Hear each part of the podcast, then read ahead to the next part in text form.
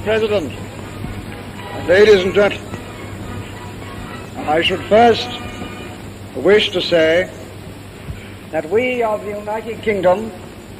take special pleasure in the choice of this year's president.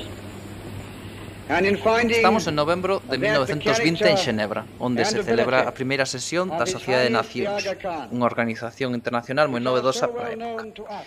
A organización foi creada tras a Primeira Guerra Mundial e a asignatura do Acordo de Paz de Versalles. En principio,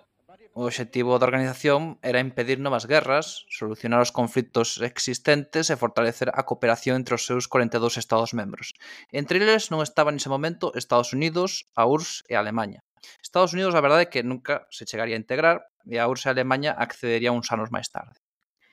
Hoxe, a Sociedade de Nacións é vista como un fracaso absoluto, ao non impedir novos conflitos, especialmente a Segunda Guerra Mundial. Porén, na altura na que se creou, existían grandes esperanzas depositadas na organización, entre os estados e tamén en cada súas sociedades. E o certo e que sí tivo algúns éxitos, por exemplo, a solución da crise na Alta Silesia, establecendo unha fronteira entre Alemanha e Polonia, a solución da disputa polas illas Alan entre Finlandia e Suecia ou a definición das fronteiras de Albania, medida coa que se lograba unha maior estabilidade nos Balcáns occidentais. Tamén en esta época, como consecuencia da Primeira Guerra Mundial e dos tratados de paz, cando se disolven varios imperios como o alemán, o ruso, o otomano e o austrohúngaro. Xurden así novos estados con novas fronteiras como Polonia ou Checoslovaquia. Isto vai provocar que xurdan novas minorías onde non as había antes, ou seren parte da maioría dominante do país. Por exemplo, pois, os húngaros na Transilvania romana, que antes formaban parte do Imperio Austrohúngaro e, por tanto, eran parte da clase dominante O mesmo lle pasou aos alemáns na nova República Polaca, que de, pasaron de ser parte dese imperio alemán a ser unha pequena minoría, bueno, que se cadraron tan pequena,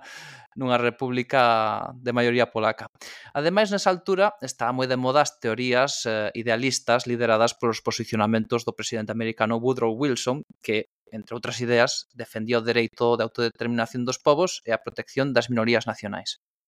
Así que co establecemento da Sociedade de Nacións, a sinatura dos tratados de paz cos estados derrotados da Primeira Guerra Mundial e o xurdimento de novos estados tamén se establece ou se impoñen por parte da comunidade internacional unha serie de tratados para a protección de minorías nacionais e religiosas, fundamentalmente nos estados do centro e leste europeos, como Polonia, Checoslovaquia, Iugoslavia ou Rumanía e tamén Grecia ou Turquía.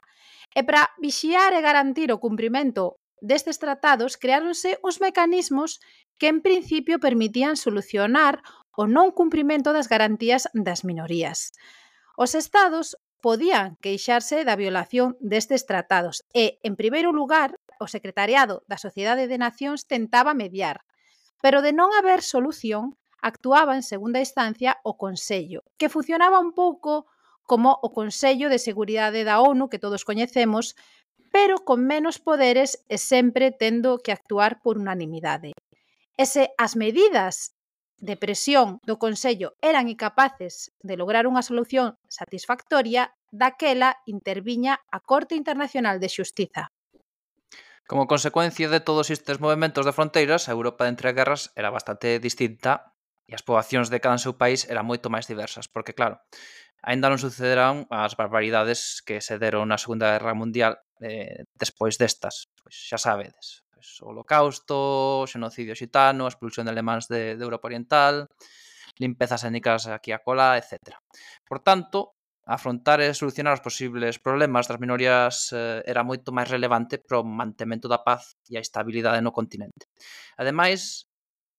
as minorías cunha nación nai, como pois, os alemáns do Báltico ou dos Sudetes, ou os húngaros de Transilvania, ou os gregos da Albania, pois a estas minorías hai que sumarlle outras tantas de carácter religioso, fundamentalmente os xudeus, e tamén as minorías nacionais en Estado, como por exemplo pois, os bretóns, os galegos, os corsos, cataláns ou galeses, que naquela altura levaban xa algunhas décadas reivindicando a autonomía ou independencia dos seus territorios.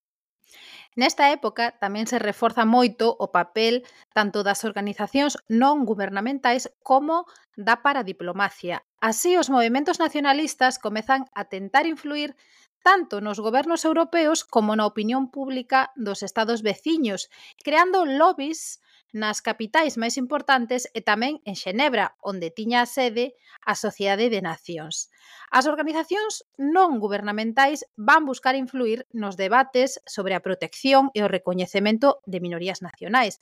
Por exemplo, a Liga contra o Racismo e Antisemitismo, o Buró Central das Minorías ou a Unión Internacional de Asociacións a prol da Sociedade de Nacións. Este tipo de organizacións eran fundamentalmente lobbies que tentaban concienciar as sociedades europeas, influir nos gobernos nacionais de cara aos debates no seo da Sociedade de Nacións con máis ou menos éxito e denunciar calquera injustiza causada a estas minorías. Moitas veces, certos estados con minorías fora das súas fronteiras, como Alemanha e Hungría, fundamentalmente, ou con intereses así un poquichiño espurios e imperialistas, como Italia, pois tentaba influir tanto nestas organizacións como nos membros que representaban os diferentes movimentos nacionais e a estas minorías. E ben, unha destas organizacións non gubernamentais é o Congreso das Nacionalidades Europeas, constituído ao pouco de rematar a Primeira Guerra Mundial e que, como o seu nome indica, tentaba representar os intereses das diferentes nacionalidades que formaban parte da organización. Pero ben, para profundizar na relevancia deste Congreso das Nacionalidades e do rol que xogou Galicia nel, temos connosco a Núñez Seixas, que é un gran coñecedor deste período histórico e especificamente de todos estes feitos que vimos de mencionar. Mesmo escribiu a súa tese de doutoramento sobre o Congreso das Nacionalidades e ademais pois, tamén escribiu unha chea de papers sobre o tema, así que algo saberá.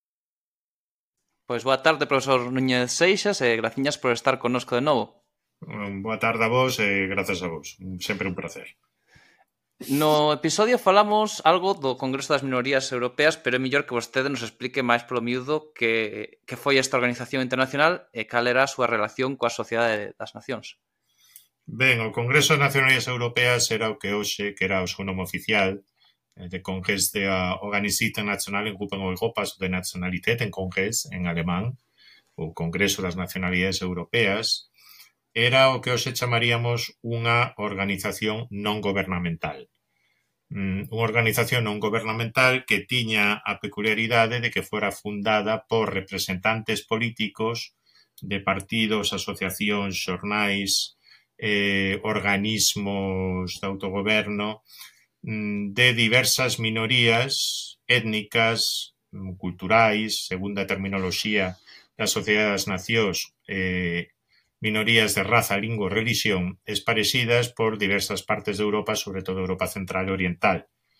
Mm, xa dende 1918-19, mm, un pouco aveiro como consecuencia da, da expansión do principio de autodeterminación nacional, popularizado mm, en parte polos 14 pontos de Wilson, aínda que Wilson non falaba como tal do principio de autodeterminación,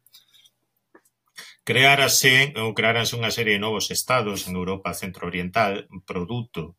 da descomposición do Imperio Austrohúngaro, do Imperio Otomano e, en parte tamén, do Imperio Sarista, mm, e axiña se plantexou, digamos, a necesidade por parte das sociedades nacións baixo a presión de, de, de varias organizacións de minorías que tiñan un forte artellamento transnacional, como era o caso das minorías xudías, de fornecer algún tipo de protección fronte aos excesos dos novos mm, estados nacionalizadores, Romenia, Polonia, Hungría, eh, os estados bálticos, etc., para protexer as poboacións pertencentes a, unha, a un grupo étnico ou que falas unha lingua, que tivese unha religión ou que uh, profesasen, digamos, unha identidade etnocultural diferente das da maioría dos novos estados. É dicir, partíase da base de que o nacionalismo fora a, a, a falla de resolución da cuestión das nacionalidades fora un dos motivos que acendera, digamos, a mecha da Primeira Guerra Mundial, que comezou en Sarajevo, como é sabido, xuño de 1914, por unha cuestión eh, nacional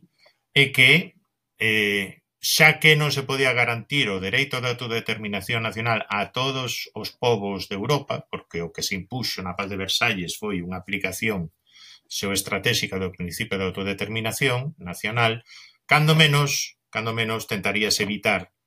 que eh, os novos nacionalismos de Estado en varios países de Europa, en varios estados nacionais de Europa, tentasen asimilar pola forza as súas minorías. Eh,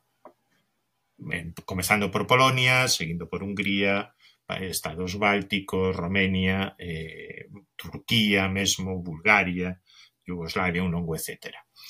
eh, como resultado, artellouse dentro das sociedades nacións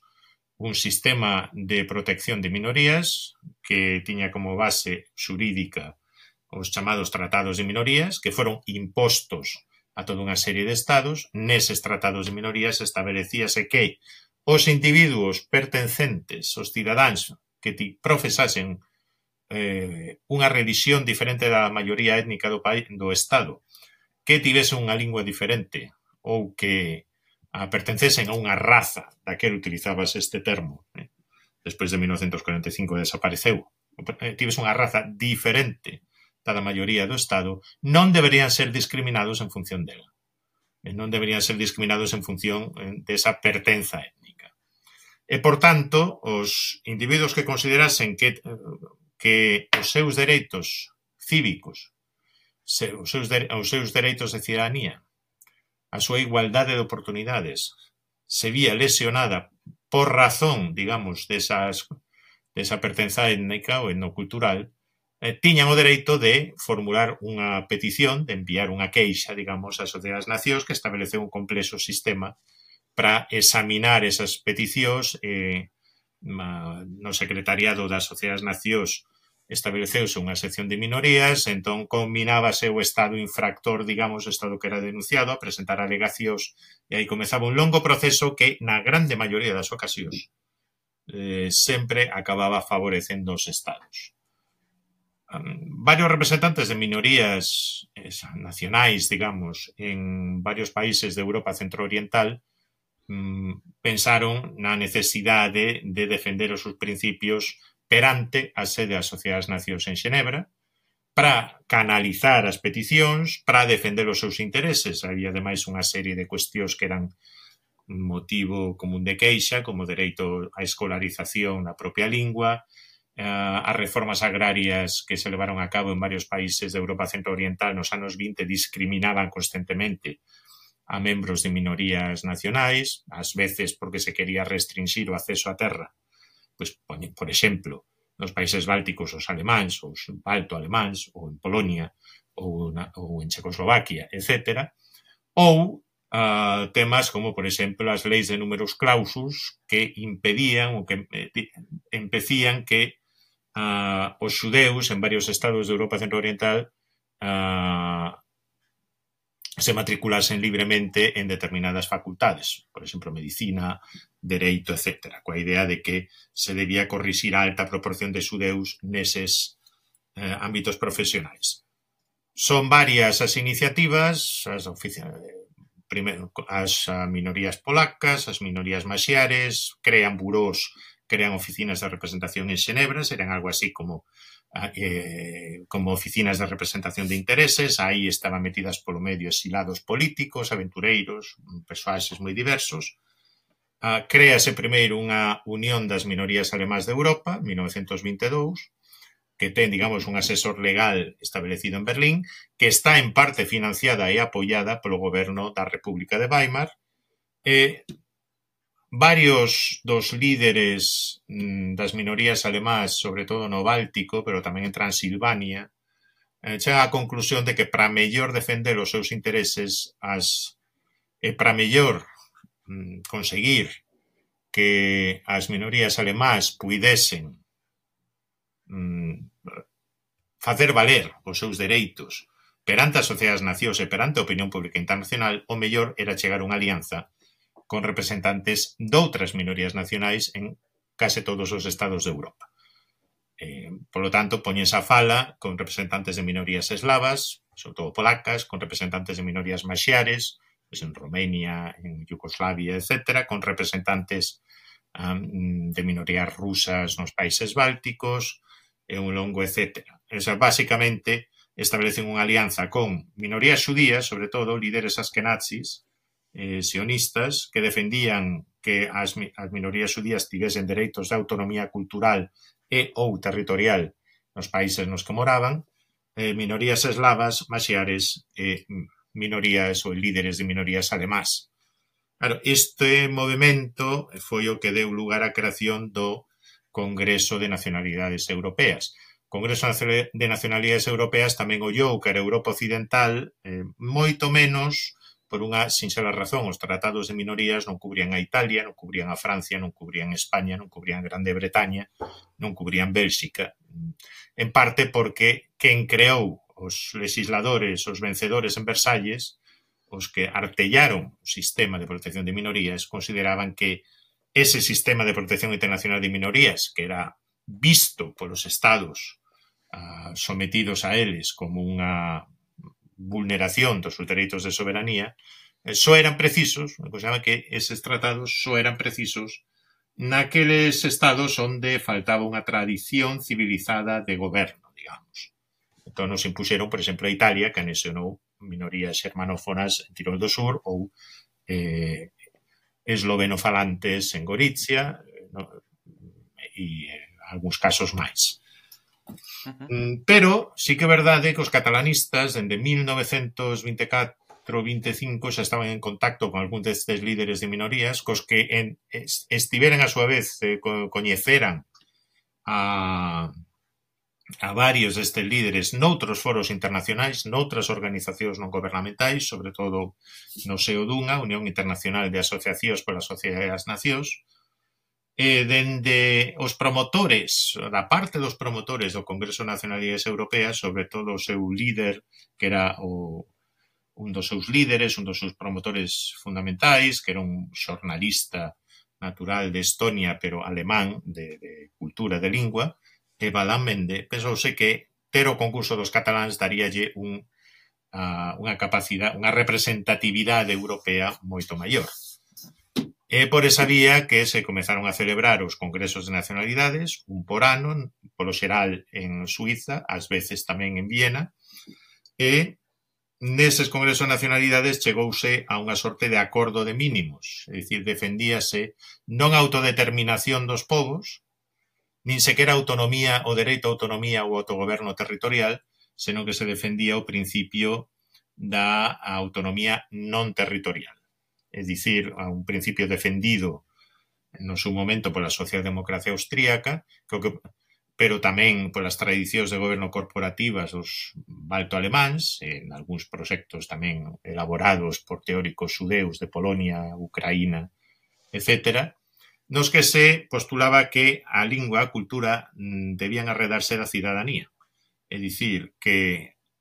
para xestionar os seus asuntos culturais, escolas, equipamentos culturais lingüísticos, etc., bibliotecas, un longo, etcétera, os membros das minorías debían ascribirse libremente unha sorte de catastro ou de censo onde mm, terían comunidades lingüísticas que xestionarían de maneira autónoma eses asuntos, mentres no resto renunciaban, digamos, a investirse en cuestións políticas e prometían lealdade aos estados nos que vivían. Este era o programa da autonomía cultural, que tiña, ademais, un eh, modelo moi claro que era a Lei de Autonomía Cultural en Estonia, aprobada en 1925. O Congreso das Nacionalidades Europeas tiña un certo apoio por parte da diplomacia alemana, que estaba interesada en defender os intereses das minorías alemás, como parte dunha estratexia a medio e longo prazo de revisión pacífica das fronteiras impostas no Tratado de Versalles, tamén algún apoio do goberno de Budapest, polas mesmas ou semellantes razóns, moito menos do goberno de Varsovia, era ollado con bastante reticencia eh, non só polas chancelerías occidentais, que os consideraban un clube de conspiradores, senón tamén pola, polo propio secretariado das Sociedades Nacións, nunca existiu unha relación orgánica entre a, a Sociedade das Nacións, a sección de minorías da Sociedade das Nacións e o Congreso de Nacionalidades Europeas. O que había era contactos informais. A todos os congresos, normalmente o secretariado da Sociedade das Nacións enviaba un representante que escribía informes, a, eh, había contactos informais a hora de xestionar determinadas peticións de, de minorías dun Estado, Mm, había certa capacidade de presión por parte do Congreso de Nacionalidades Europeas na opinión pública, sobre, nomeadamente na prensa suiza, na prensa xinebrina, mm, pero en xeral aos sociedades nacións facía caso omiso das propostas do Congreso de Nacionalidades Europeas. Mesmo en algunhas consulturas, como ano 29, no que o chanceler alemán Stresemann levou a cabo toda unha campaña en Xenebra para reformar a prol dos intereses das minorías o sistema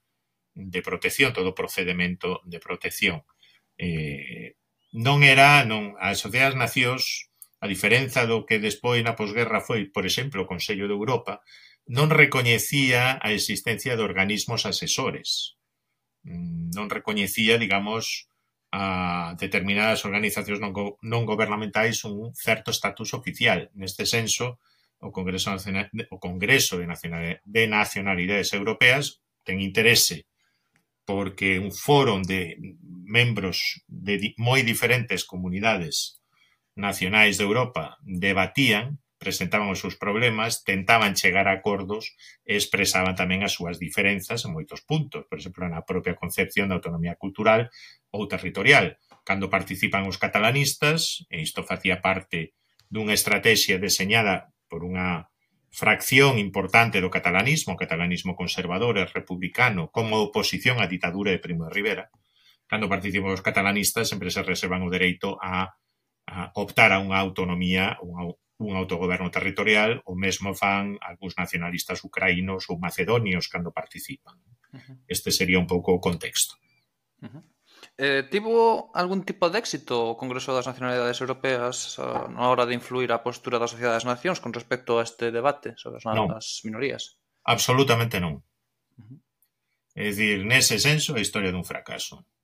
A Congreso das Nacionalidades Europeas sobre todo despois de 1929, ademais, comeza a sufrir a deserción de algúns grupos de minorías, comezase polas minorías polas propias minorías nacionais non alemás dentro da Alemaña, a cuestión dos frisóns uh, dos frisóns orientais, os frisóns da Alemaña, os oravos de Lusacia, os daneses de, de, Schleswig, de Schleswig-Holstein, etc., retíranse, despois vanse retirar boa parte das minorías eslavas. No 1933, que é xusto cando un representante do Partido Galeguista acode a Xenebra pois eh, o debate eh, estaba centrado na cuestión da condena ou non das primeiras medidas de discriminación legal e de segregación que levaba a cabo a Alemanha nazi dende finais de xaneiro dese ano contra os xudeus, e iso o que provoca unha creva absoluta relacións entre as, os representantes das minorías alemás que eran en boa parte xa pro-nazis ou que foran de alguna maneira captados polos nazis eh, os líderes de minorías xudías mm, en ningún momento, digamos, o Congreso de Nacionalidades Europeas consegue impoñer ou influir de maneira directa nas posturas das sociedades nacións. É dicir, en xeral, a, o sistema de minorías, o funcionamento do sistema de protección de minorías das sociedades nacións ten sido descrito como un fracaso, é dicir, foi incapaz realmente de, de virar a, a situación en prol dos intereses das propias minorías. En parte, por qué? Porque estaba pensado tamén como unha estrategia para conseguir, para facilitar, no fondo, unha asimilación pacífica das minorías nacionais dentro das maiorías étnicas dos seus respectivos estados a diplomacia británica ou francesa estaban convencidas de que, bueno, cos, os alemáns de Transilvania ou do Báltico ou os maxiares de Eslovaquia, poñamos por caso, pois farían como os galeses ou os bretóns, é dicir, irían adoptando progresivamente o idioma da maioría étnica, esquecendo o seu propio idioma, eh, converténdose en cidadáns leais dos seus novos estados-nación, mas isto non funcionou así. Houbo algunhas xestións concretas, particulares, pero non tanto como Congreso de Nacionalidades Europeas, senón por parte de algúns líderes de minorías en concreto, que a través de, digamos, pasilleo, eh, influíron algunha petición concreta. Por exemplo, os líderes dos alemáns de Transilvania, que eran moi pragmáticos, ou de Polonia,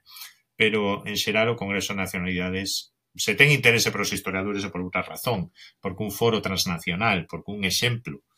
non? De, de debate político o verbo da cuestión nacional na Europa de entreguerras, pero non porque tivese éxito político. Uh -huh. E que eh, relevancia tiña Galicia e o Partido Galeguista neses debates internacionais na, na posguerra? E, mm. e como empregou o nacionalismo galego e a participación de Plácido Castro nese Congreso das Nacionalidades en Berna? Ben, eh, A participación galega é Serodia é moi concreta, só se envía un delegado e un ano concreto que en 1933, que ademais coincide co ano no que se está a debater eh, a cuestión da condena ou non das medidas antisemitas na Alemanha nazi, é dicir, Placio Castro chega mal momento. Compre ter en conta que os catalanistas están presentes dende 1926. Non só están presentes con delegacións amplas, aí está o segundo de Francesc Cambó, Joan Estelric, que era o sobranceiro xente internacional do catalanismo neste momento, e que ademais fornecen recursos. Ata un 15% das finanzas do Congreso de Nacionalidades proviña ata comezos dos 30 de dos catalanistas, da aportación dos catalanistas. Os catalanistas tiñan unhas oficinas en Xenebra, eh, perdón, en París, que poñen a disposición do Congreso de Nacionalidades. O vicepresidente do Congreso é un xurista catalanista conservador Francesc Maspons i Anglesel. Um, os vascos participan só de maneira serodia, xa no 1927 Joan Estelric plantexa a posibilidade de captar a representante do, do nacionalismo vasco e nacionalismo galego, el pensa en Villar Ponte, concreto, hai un primeiro moi fugaz contacto, Uh, os vascos empezan a enviar, empezan a, ou comezan a participar dende 1929-30, nunca con grande perfil, pero é certo que sí que no 1930-31 eh, no 1931 en concreto a Mende visita Bilbao por primeira vez xunto con Estelric no 1933 Eva Lamende visita outra vez Euskadi participa no ABR Eguna co lema Euskadi Europa de abril de 1933, recibido polas autoridades do nacionalismo vasco, e despois segue viaxe e ven a Galicia. Que iso é previo, digamos, o a, a viaxe de Plácido Castro. En ese momento o Partido Galeguista envía, e cando envía un delegado. Plácido Castro, que compre ten en conta que, como é sabido, el era anglófilo, que se eh, tiña unha educación británica en boa parte, pero o Congreso de Nacionalidades Europeas era unha organización basicamente xermanófona e na que o segundo idioma era inglés. Na Europa continental da época, as linguas francas eran o alemán e o inglés, primeiro punto. Mm, e despois diso, a, isto se quería vencellar a, ao lanzamento da plataforma da Alianza Galeusca, que por diversas razóns despois fracasa. É dicir, isto debía ser a fronte europea, digamos, a dimensión europea da Alianza Galeusca, pero as prioridades políticas dentro de España mudan moi rapidamente, os vascos pre previsitan o seu estatuto un mes despois, en outubro do 33, eh, no outono 33, despois chega o bienio negro e hai outras prioridades dentro da política interior. Por tanto, preséntase efectivamente na prensa Plácido Castro cando volve, fala das entrevistas que ali mantivo, fala do Congreso de Naciones Europeas e hiperbólicamente a, optase por dicir que Galicia fora recoñecida como nación en Xenebra. Ata entón, o curioso, non, non deixaba de ser curioso que a, o sistema de protección de minorías das sociedades nacións, os propios tratados de minorías, a cuestión das minorías, e todos os debates europeus bastante amplos nesta altura sobre o dereito das minorías, nos que tamén había certa representación catalanista, no galeguismo ou apenas chegaran ou mm, apenas interesaban. En parte, isto escríbeo uh, eh, Vicente Risco xa Mitel Europa 1934 nun artigo en, en Alento uh, el defendía que ou xa en 1930 cando foi unha recensión dun libro de Stelric uh, eh, Vicente Risco di que a ver, uh, que había unha diferenza fundamental que era que os tratados de minorías se baseaban no principio da defensa dos dereitos individuais, na non discriminación dos individuos no exercicio dos seus dereitos de cidadanía en función da súa cultura, lingua ou religión, e que o que os nacionalistas galegos defendían era outra cousa, era que as nacións son entidades orgánicas, non agrupamentos de individuos, como el dicía. Por tanto, mm, dun punto de vista doutrinal, existía unha certa reticencia, un certo rexeitamento. Así a todo, cando o certo é que cando Amende ven a Galicia, el pensa que ven a un lugar, a unha fisterra medio escura, a, ah, pero ali encontrase cunha serie de intelectuais, a xente agrupada alrededor do Seminario de Estudos Galegos, a Ramón Otero Pedrallo, que coñeceu no Aberrieguna de Donosti, coñece bueno, o propio Plácido Castro e outros máis, algúns deles falan alemán, eh, el fica totalmente impresionado, moi gratamente, por Santiago de Compostela, isto comentou, por certo, eh, Francisco Fernández del Riego, hai moitos anos, que lembraba perfectamente a visita daquel home, daquel alemán moi alto, eh, que viña do Báltico, e eh, que chegara aquí en tren, eh, o que era viren dende Euskadi até aquí en tren nos anos 30, que non se chegaba moi rápido. Non? eh, que lembraba a súa cara de asombro cando paseaba polos claustros de Fonseca, eh, que bonito isto, etc. E despois a Mende pasa a Portugal, ele era tamén bastante bon viván, tamén aproveitaba para facer vacacións. Eh, curioso que, estando en Portugal, foi unhas declaracións nas que di que os galegos eh, pois deberían, seguramente ten unha vantaxe, que poden contar co concurso dos seus irmãos portugueses e que Portugal sería unha sorte de patrón exterior. Iso provoca mesmo unha intervención discreta da embaixada alemá en Lisboa para calmar, para que os portugueses non se mosqueen. É dicir, para, para quedar os portugueses e dicir, mira, este señor non representa, dende logo, o Estado alemán, eh, cidadán estonio, e nos non temos nada a ver con, con esas afirmacións. Non?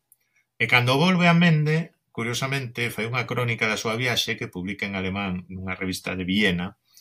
Ah, ele ten percepcións bastante interesantes sobre Euskadi e sobre Galicia. El considera que os vascos unha panda de fanáticos,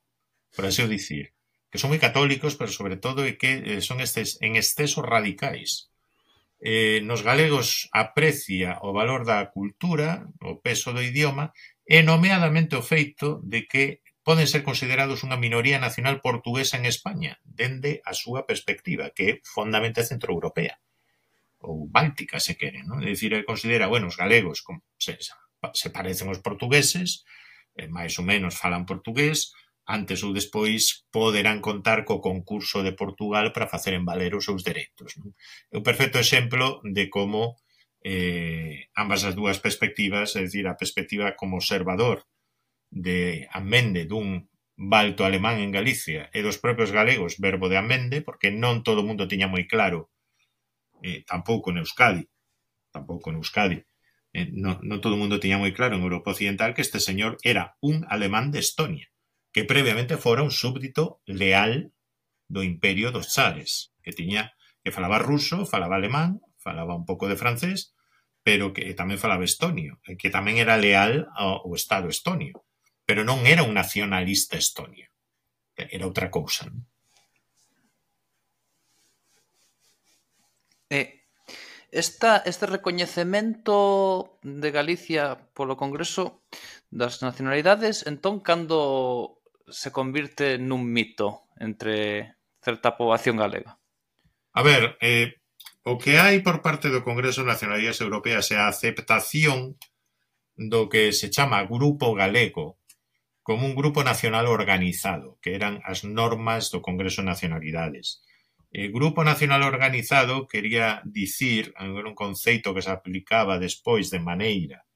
mm, estratégica e bastante eh, desigual, segundo conviñese,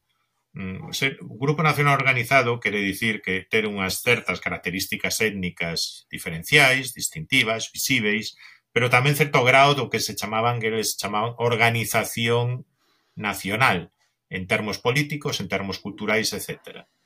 Eh, xa dende 1931-32 se manexaba es, a idea de que, bueno, podemos incorporar os galegos, falábase tamén, por exemplo,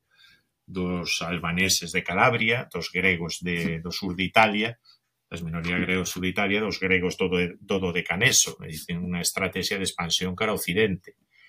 Mm, naturalmente, a, isto estaba suxeito tamén a prioridades estratégicas en boa parte dictadas pola política exterior alemá, que de cando en vez interviña. Por exemplo, os alsacianos non estaban recoñecidos. Os bretóns non estaban recoñecidos, e tentaron, dende finais dos anos 20.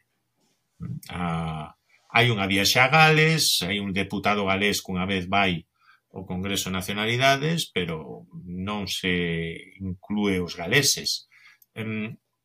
É dicir, isto tamén tiña a ver co feito de que a República Española era un Estado considerado neutral e, por tanto, aí se poden tomar certas liberdades. Non? Pero fora de considerar Galicia o que se chamaba o Grupo Galego como un grupo representado orgánicamente xa dentro do, dos congresos de nacionalidades, a efectos prácticos isto non supuña ninguna, a, ningún cambio, digamos, na consideración exterior eh, xurídica de Galicia. Porque isto se converte nun mito? Bueno, penso que isto comeza no 1993, cando se publica un libro por parte do, do xornalista Xulio Ríos, no que, aínda que manexa algunha documentación e fai un relato, pois, evidenciase bastante falta de bastante falla de rigor histórico, pouca comprensión do contexto, E sobre todo se quere sucumbir a un mito, que era o que contaba Pracio Castro algúns dos seus artigos, que Galicia foi recoñecida como nación en Xenebra. E, dende logo, na sociedade as nacións nin se enteiraron. E máis, con isto non quero fozar na ferida, eh, pero non quero ser Pepito Grillo, pero a, o cónsul alemán en Xenebra dinos un informe que, eh, que o delegado galego chegou tarde. Ah. é dicir, é que non puido participar, polo menos nalgúna das xuntanzas. Pode ser verdade, pode ser non, eh, non ser verdade. Non dubido que Plácido Castro estivo en Xenebra, eh, pero a, despois o bombo que se lle deu Por que isto é así? Bueno, isto coincide nos anos 90 cunha dinámica de expansión do, do BNG, sobre todo, non? da principal organización do nacionalismo galego de esquerdas, dunha, dun certos cambios de referentes exteriores, pensemos que neses anos empeza, digamos, a considerar a, o interese de contar cun eurodeputado en Bruselas, que non se trataba só da, de crear unha sorte de a, confederación de nacións alternativa á Unión Europea, senón de participar no propio Parlamento Europeu e de aproveitar esa ventada oportunidade, froito do cal foi no 1999 a elección de Camilo Nogueira, penso que hai pues, unha serie de circunstancias que explican que se procurasen outros referentes internacionais e que non fosen os herdeiros do terceiro mundismo alternativo dos anos 60 e 70. Non? Ok. Pois eh, moitas grazas por estar connosco, a verdade, e por clarificar todos estes puntos. A verdade que é sempre un placer telo connosco no podcast. Bueno, o, o placer é meu e, eh, e agardo que sirva para algo. Pero bueno, os mitos de todas as maneiras eh, moitas veces son indestructibles. Un quere creer unha cousa, pois pues, crea. Eh, eh, pero, en fin, a, o, o tema do Congreso de Nacionalidades é un tema fascinante, eh,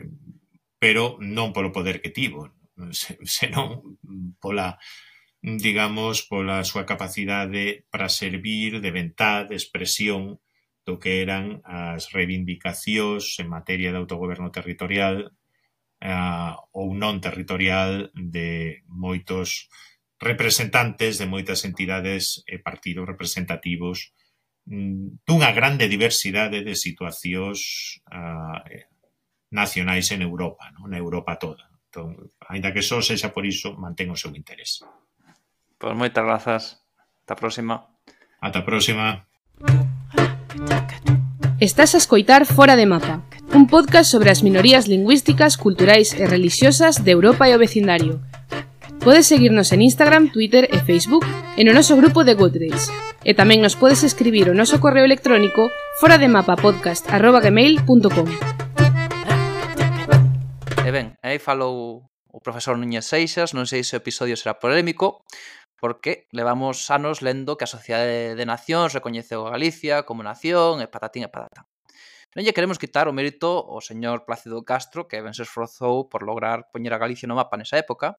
nin tampouco lle queremos quitar eh, en relevancia o sucedido naquel congreso en Berna.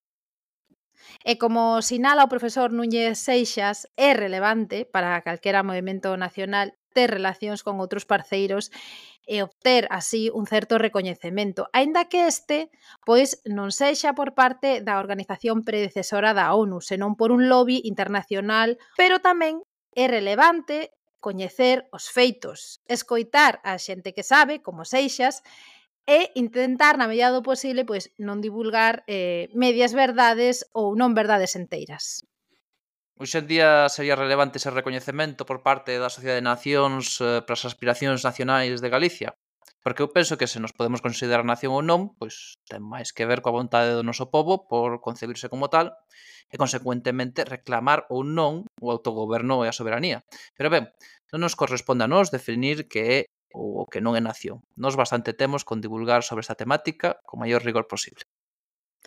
Así que cada un coa información que ten, pois eh, é quen de sacar a, as súas conclusións e eh, ter as súas propias opinións. Exactamente. Até a próxima.